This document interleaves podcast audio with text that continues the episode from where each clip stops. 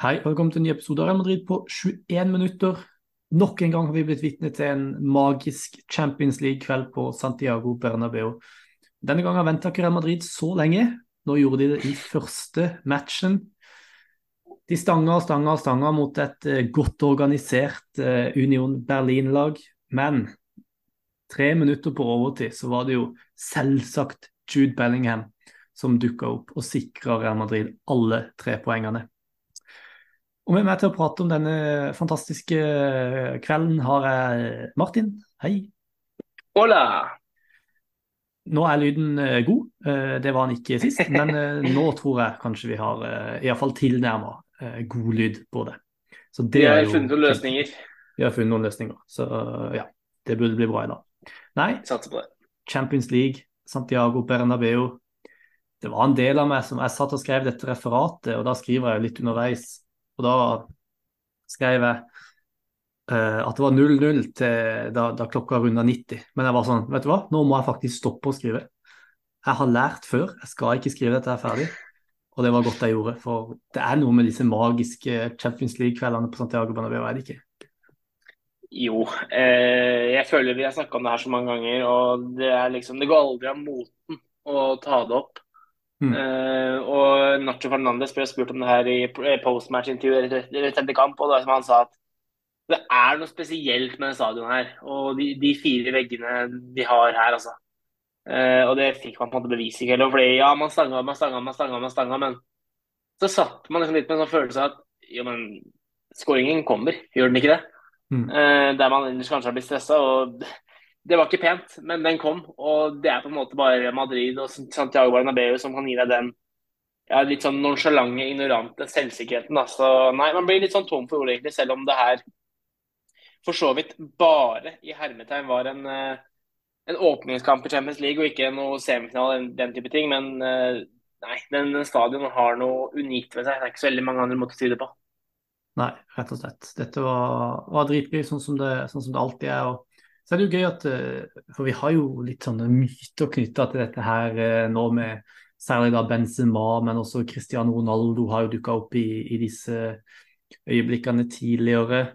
Eh, Venicius har det, Rodrygo ikke minst. Men nå er jo faktisk Jude Bellingham del av denne mytiske historien rundt disse magiske Champions League-kveldene. Og det skulle jo bare mangle stadion eh, Det runga 'Hey Jude' utover stadion etter at han, han skårte. og Han står nå på, med seks mål på seks kamper, og jeg tror egentlig bare vi må begynne der. for Vi prata ikke så mye om han i forrige episode, kanskje til forskjell fra alle de andre episodene så langt. Eh, fordi han, han, var jo ikke, han var litt mer usynlig sist. Han var litt mer usynlig i dag også, fortsatt. Mm en av Real Madrids beste, fortsatt involvert i veldig mye, men, men ikke like innflytelsesrik som han har vært tidligere. Men han har dette her eh, big game player-genet i seg, dette her Real Madrid-genet i seg, eh, med å dukke opp når det gjelder oss mest. Denne her er veldig lik den skåringa han skåret mot Retafe, hvor han dukker opp etter litt kababab i feltet og bare setter ballen i et åpent mål. Det er noe spesielt med, med Jude Bellingham og Real Madrid, er det ikke det? Jo, det, det, er det. Og for å si det på en litt sånn klisjéaktig måte. Uh, Jude Bellingham er uh, det er nærmest ungdommen i dag skal clutch. Han har liksom den der evnen til å bare være på riktig sted til riktig tid og sette de avgjørende, uh, som du nå egentlig trekker frem, ganske stygge skåringene. Det er jo ikke noe, noe broderi av en skåring, akkurat. Men de er så viktige. Og det måtte den evnen han har til å bare ja, være der på riktig plass til riktig tid og, og være den mannen som setter den mannen i kassa. Så det kunne like godt vært Brahim Diaz som tuppa den ballen over målstreken. Men mm. Jude Bellingham har bare den evnen til å lukte de sjansene nær sagt før de faktisk forekommer. og da ja, da er det enkle skåringer å sette i kassa. og det, det, er egentlig sånne øyeblikk eh, som skaper på sikt eh, det man kaller Real Madrid-legender. Så jeg egentlig mm. bare håper at det blir vedvarende i mange sesonger framover. Ja, og det er noe med den bevegelsen han gjør der også, fordi han ser jo og eh, på en måte oppfatter veldig kjapt at Rosele er på vei ut. Jeg tror det er Rosele, eh, iallfall som er på vei ut. Og så ser han at det åpner seg et rom bak Roselu der. Eh, som han kan plukke opp. Og som du sier, det hadde, hadde jo ikke vært noe å si om det var han eller Brahim Diaz som satte den ballen i mål, men at det er Jude Bellingham som gjør det eh, for sjette gang denne sesongen, jeg syns ikke det er tilfeldig. Eh, På ingen måte. Nei, og det er noe Angelotti har prata om også en del i pressekonferanser tidligere denne sesongen. at han gjør så mye bra med ball, han er en fantastisk midtbanespiller, men han har også en helt unik evne til å time disse løpene sine i boks og vite hvor han skal være eh, til enhver tid for å ha mulighet til, til å skåre mål. Eh, og Det gjør han til en veldig sånn unik eh, midtbanespiller, altså. Helt vanvittig. Ja, skal vi eh, slutte Jude Bellingham-praten der? For vi har jo prata mye om, om, Jude tidligere, så kanskje det, kanskje det får holde med det. Eh, vi har jo en del andre ting å prate om også. Så absolutt. Eh, vi kan egentlig bare skyte inn at jeg er veldig enig med det du sa om at eh, Bellingham hadde jo ikke en sånn spesielt fantastisk kamp. Eh, man merker at han blir godt passa på etter hvert også. Men det er jo dette, dette genet som vi snakker om som gjør at han allikevel blir avgjørende. Så nei, vi har mange andre prater om, så vi får bare komme oss videre. Ja. Jeg tror vi kan starte med en midtbanespiller i andre spekter av skal man si, aldersperspektiv i Real Madrid, nemlig Luka Modric. Starta i dag, Han har jo ikke starta så mange kamper eh, denne sesongen. Spilt mindre og mindre, men han ble jo altså bare for eh, ja, halvannen uke siden 38 år gammel. Og ja. den kampen han spiller i dag, er rett og slett helt utrolig. Etter min mening Real Madrids eh, beste spiller For en kamp av Luka Modric eh, i kveld. Altså, vi prater så mye om Jude Bellingham, vi prater så mye om, um, Valverde, om Kamavinga, om Trameni. Men så har man liksom bare en Luka Modric som hver gang han spiller, bare viser at han fortsatt er ypperste, ypperste verdensklasse. Hva skal vi si om, om Luka Modric nå, 38 år gammel? Nei, eh, han fortsetter egentlig å eh, rive alle hva skal man kalle det for noen fysiske regler og manuskripter i to. Det er egentlig det han driver med.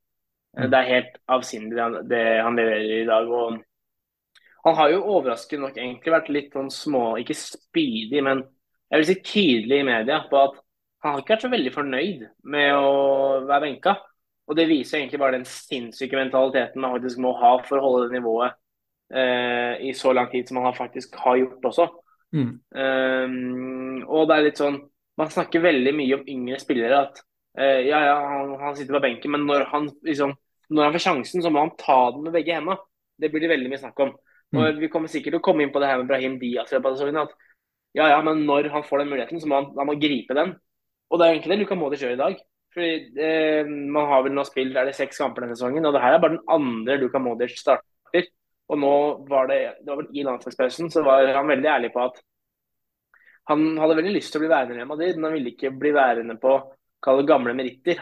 Han ville at kalle statusen skulle være lik som tidligere. Ikke at han skulle da være en selvskreven starter, men, men at han nær sagt heller skulle trenge å spille seg kanskje ut av en startelver, kontra det å skulle konkurrere seg inn igjen, da, for å si det på den måten. Uh, og det skjønner jeg jo uh, veldig godt, og det vitner om en sånn helt sinnssyk mentalitet. Og den kampen han leverer på uh, Santiago Bernabeu-gress i dag, det er en sånn der gripe sjansen-kamp.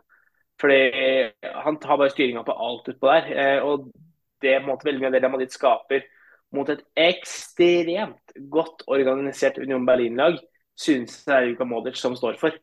så nei, i mektig, mektig, mektig imponert. Og det viser også veldig sånn moden respons på litt motgang som man strengt tatt har fått på starten av sesongen. Ja. Det er noe med at dette her er også en type kamp hvor Real Madrid definitivt trengte eh, Luka Modric. Fordi det var, som jeg sa, det er et Union Berlin-lag som forsvarte seg godt. De hadde rutinerte Bonucci baki der til, til, å styre troppene og lå ekstremt dypt og smalt. Og Da er det å ha en spiller med den kreative kraften til Modric, med den, til, med den løpskraften til Modric, og også eh, særlig det å finne disse rommene mellom midtbanen og, og, Forsvaret, som er så vanskelig å finne når de ligger så dypt, der er, der er han uvurderlig. Um, og jeg må også si det at uh, om det var bare for å gi ham spilletid, eller om det var en ren taktisk avgjørelse av Angelotti, det vet jeg ikke. Men hvis det var taktisk, så var det genialt. For han, han traff virkelig på, på, uh, på det laguttaket i dag, altså. Ja, helt fantastisk prestasjon. Eh, etter min mening Real Madrids beste spiller. Men så, så tenkte jeg, det var en ting jeg hadde lyst til å prate om, og det er jo denne høyreback-situasjonen, da. Eh, for Carvahall har jo, sikkert dere har fått med dere det, grunnen til at han ikke spilte i dag, er jo fordi at han er skada igjen. Eh, vi vet ikke hvor lenge han er ute. Ryktene sier jo at han kommer til å være ute eh, At egentlig bare var denne kampen, og så er han fortsatt usikker til, til Atletico-kampen. Så det kan være at han rekker Atletico-kampen, men det er på ingen måte sikkert. Hvordan syns du Lukas Vaskes eh, klarte seg i dag? Jeg syns Lukas Vaskes eh, var veldig preg av rust, for å si på den måten. Eh, og det er helt normalt når det er første kampen han starter denne sesongen her. Um, og skal egentlig da, ta over stafettpinnen etter Dani Carvahall i kjempeform.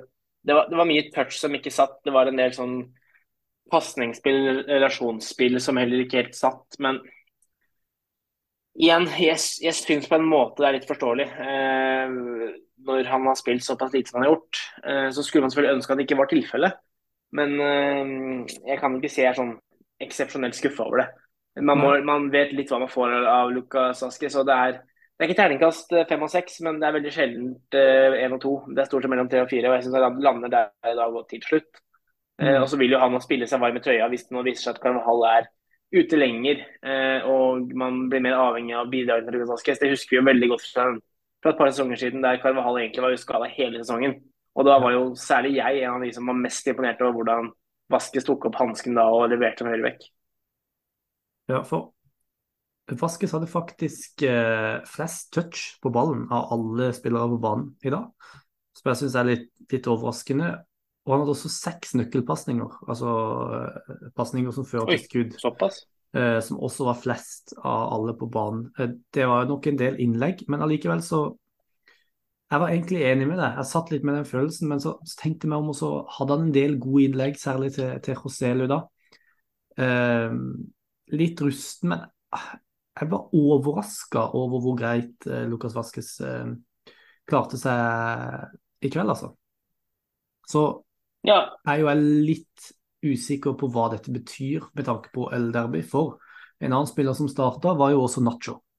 Nå starta han som midtstopper, men det er jo ikke umulig at dette var et grep for å få begge de to i kampform til eh, derby, på, derby på, uh, i helga, eh, sånn at han kan velge litt mm. mer, uh, mer fritt. Um, og at det da vil være Fangasia, Alaba, Rydiger og én Anacho eller Vaskes. Så jeg føler liksom ikke at det er noe tydeligere hvem som kommer til å starte på høyre back eh, på søndag, ut ifra det vi så i dag. Det er rett og slett litt vanskelig å si. Ja, det er jeg helt enig i. Mm. Uh, og det er som du sier, det, det gjelder jo egentlig veldig mye det jeg sa for, Nart, eller for Lucas Vaskes, det gjelder jo for Nacho også, som må ha spilt ganske lite i seriestarten. Uh, og uavhengig av hva tanken er bak det, så er det veldig lurt at han får eh, kalle kamprytme inni de også. For sesongen er lang. Er det en ting vi har sett opp gjennom årene, så er det det Madrid som sliter med skader. Så man kommer til å trenge alle mann alle. Og da kan man ikke hente noen som er iskalde fra å sitte på benken i tre måneder i forkant. Man må holde i varme. Så vil det også gjøre laguttaket til Deo Simione vanskeligere mot søndagen, i og med at han da kan tenke litt som vi gjør nå. Sånn oi, kommer de med Nacho høyre, kommer de med Lucas Asques, er Carvahall tilbake? Mm. Litt sånn forskjellige løsninger, da. Ja, og Vi må jo bare håpe at Carvahall faktisk er tilbake, for han har definitivt Absolutt. vært en av Real Madrids beste spillere denne sesongen. Det er litt rart å tenke på, men uh, det hadde ikke jeg sett for meg før sesongen startet, for å si det sånn. Men uh, det har han rett og slett vært, og det er utrolig nok et stort tap for, for Real Madrid hvis han ikke er med. Uh, så vi får håpe at han, han kommer seg, men jeg syns samtidig at man er på et punkt i sesongen nå hvor man ikke skal ta noen sjanser med ham. Hvis det faktisk stemmer at man kan få en såpass god versjon av, av Carvahall, og at den fortsatt finnes inni der, så syns jeg at man skal prøve å ta litt vare på det, og ikke slite han i fillebiter i løpet av de første månedene av sesongen. Eh, Atletico Madrid er en stor kamp, men det kommer større kamper mot slutten av sesongen. Så ja. Det mener jeg i hvert fall. Mm. Uh, ja, jeg nevnte han i stad. Vi er nødt til å prate om han. Roselu. Han hadde i dag ti avslutninger. Nei, det hadde han ikke. Han hadde elleve avslutninger i dag. Å, kjære vene. Det er mer enn dobbelt så mange som nestemann på lista, nemlig Rodrigo. Eh, og det er sånn Jeg syns det er veldig rart, for jeg syns egentlig at han var god. Jeg syns at han kom Enig, til veldig mye enig. sjanser. Han eh, er vanvittig god i lufta. Fy søren, han er jo den beste hodespilleren på banen der. Eh, til, og jeg mener at han kom til flere gode sjanser og fikk til bedre avslutninger enn de aller fleste spisser hadde gjort i samme situasjon. Altså at de elleve skuddene er mer en pres god prestasjon for hans del enn en dårlig prestasjon.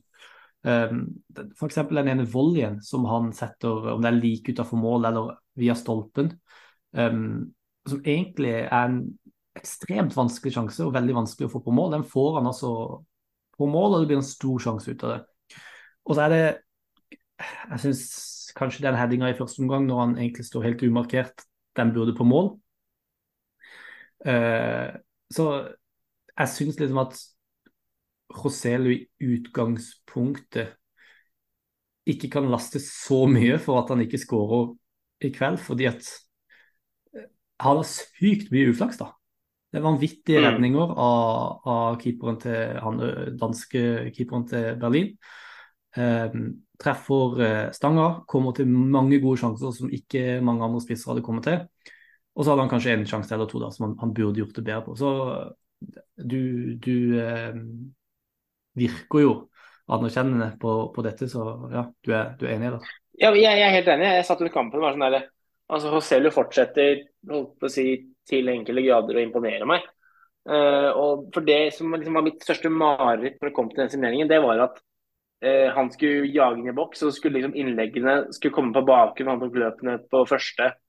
uh, og vice versa, da, at det ikke skulle være kjemi der. Men jeg syns Madrid-spillet har tilpasset seg Hoselu sine behov veldig godt. og det, Han er en spiss som man absolutt må spille på hans styrker for.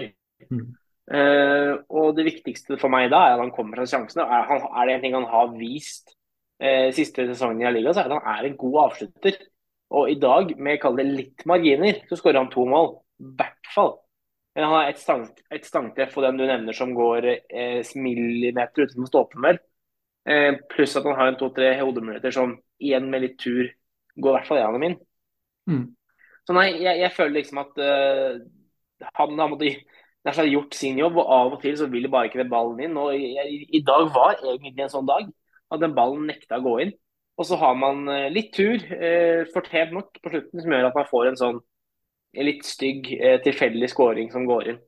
Eh, men ja, jeg syns det er vanskelig å skulle kritisere se liksom, typ litt sånn Hva mer skulle han gjort? Ja, det er nettopp det. Jeg syns det er litt vanskelig å peke på noe annet han, han kunne gjort i veldig mange av de situasjonene. og jeg syns han gir Real Madrid noe helt annet, noe helt nytt, noe de ikke har hatt uh, tidligere, som jeg syns er litt uh, gøy. Real Madrid spiller på en litt annen måte med Coselio, og det syns jeg rett og slett har vært veldig gøy å se denne sesongen.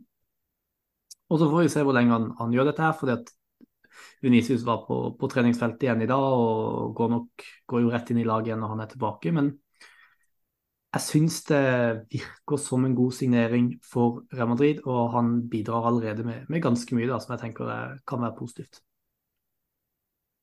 Helt enig. Ja, er det noe mer du har lyst til å, å prate om? Altså ja, det er faktisk to spillere jeg har lyst til å trekke fram. Ja, eh, og Jeg sa det da det byttet ble gjort. og i, altså igjen, Jeg syns Federico har vært tilført det Real Madrid-laget her så enormt mye. Ja. Eh, eh, når han kom inn i dag, og bare den energien han tilfører laget i overgangsfasen, og måten han setter fart på angrep, jeg, jeg syns det er mektig imponerende. Og Jeg satt med en kompis som sa han sa at Federico Aveide kommer garantert til å være involvert i det som blir den avgjørende skåringen. Og det er hans skudd som uh, skaper den skåringen. Mm. Uh, og jeg syns han bare gjorde et kjempegodt innhopp. Uh, så vil jeg også nevne at jeg syns det var veldig godt å se at Brahim Diaz fikk, om ikke annet, noe flere minutter enn det han har fått tidligere. For han syns jeg har vært frisk når han har kommet til tidligere i sesongen. han har jeg lyst til å se mer av. Han syns jeg har gjort seg fortjent til det. og så syns jeg Real Madrid fikk en god rytme, og det var en veldig god kamp til Sancelotti å ta ut Chouameni og sette inn på cross i eh, motorrommet på midten der for å holde rytmen oppe. Selv om jeg syns Chouameni gjorde en god kamp på banen. Så nei, jeg er egentlig fornøyd med det meste, til tross for at man, sånn, hadde vi sittet her nå og ikke fått den heldige Bellingham-skåringen, så hadde vi vært veldig skuffa. Men jeg er egentlig fornøyd med det meste. Ja. Um, jeg syns det er interessant det du sier om, om Valverde, for han gir Real Madrid noe annerledes når han kommer inn, bare i form av at han er på banen. Fordi mm. at uh, du så veldig tydelig at Udio Berlin måtte forsvare seg på en annen måte når Valverde fikk ballen utenfor 16 meter. og Det var tydelig at han hadde fått beskjed om å stort sett holde seg utenfor 16-meteren til enhver tid for å tvinge eh, Union Berlin-forsvaret ut i press. Og det funka. Eh, det ble mer rom mellom eh, forsvarslinja og, og midtbanen. Eh, og så er det ikke akkurat sånn skåringa kommer, da, men det er jo allikevel, som du sier, da, en situasjon hvor, hvor Valverde skyter fra, fra, langt hold, og så går han via via, og så ender han opp hos, hos Bellingham. Så jeg er helt enig med deg. Eh, han gir noe annet bare at han er på banen. og den løpskraften han har Real Madrid fikk noen kontringer på slutten der hvor han bare løper 90 eh, meter omtrent med den eh, ballen. Så fantastisk ja. innhopp av, av Valverde. Og ja, vi har snakka om at eh, Modric kanskje var Real Madrids beste i dag. og så har vi pratet om Jude Bellingham som eh, fortsetter å avgjøre, og Kamavinga som spilte en god kamp i dag. Det er bare så utrolig mye talent på den midtbanen. Og en spiller vi helt glemmer. Dani Ceballos, som nå også begynner å nærme seg om ikke han er tilbake i troppen. Han var kanskje i, i troppen i dag? Han var på troppen eh, både nå i dag, nå i dag og i helga, faktisk. Ikke sant. Det spiller vi helt glemmer. En klassespiller som absolutt kunne gjort en forskjell i denne, denne kampen her det er mye talent på den, den midtbanen iallfall. Burde vi, bare for å avslutte her, burde vi være bekymra over at det tok Real Madrid 93 minutter å skåre i en kamp hvor de har over 2,5 i expected goals? Nei, jeg syns ikke det. Uh, man har nok av tilfeller der man uh, vinner og har underpresterte expected goals. Så jeg er en av de som mener at sånn jevner seg litt ut, jeg da. Så jeg syns ikke det er noe å bekymre seg for. Jeg syns det er verre de gangene man har for lite expected goals, for det her viser man at man skaper sjansene, og at man kommer til dem. Og jeg syns som sagt spillet i store deler av kampen fløyt ganske bra. Det gikk ganske bra framover. Ja, Union Berlin var ekstremt solide, men uh, ja, jeg, jeg syns man gjorde det ganske godt gjennomført kamp. Så mm. nei, jeg syns ikke det er noe stort å være bekymra for. Nei. Nei. Jeg må innrømme det at um det er en del av meg som har vært litt mer usikker på når Real Madrid sitter med å skåre mål denne sesongen, om vi faktisk kan eh, klare det. Men så er det jo Jude Bellingham som til stadighet dukker opp og, og skårer disse avgjørende målene.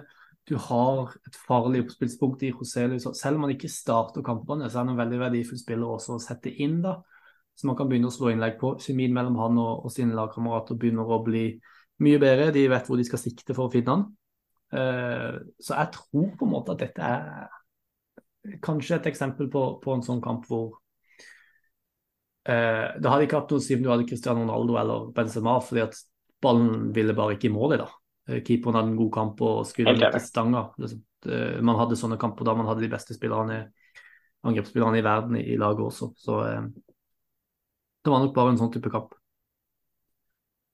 Nei, kanskje vi skal eh, si oss fornøyd med det for i dag. Det er jo eh, ny kamp allerede på søndag, og da er det jo selveste El Derby Madrileño. Klokka ni på søndag. Bortekamp på Wanda Metropolitano.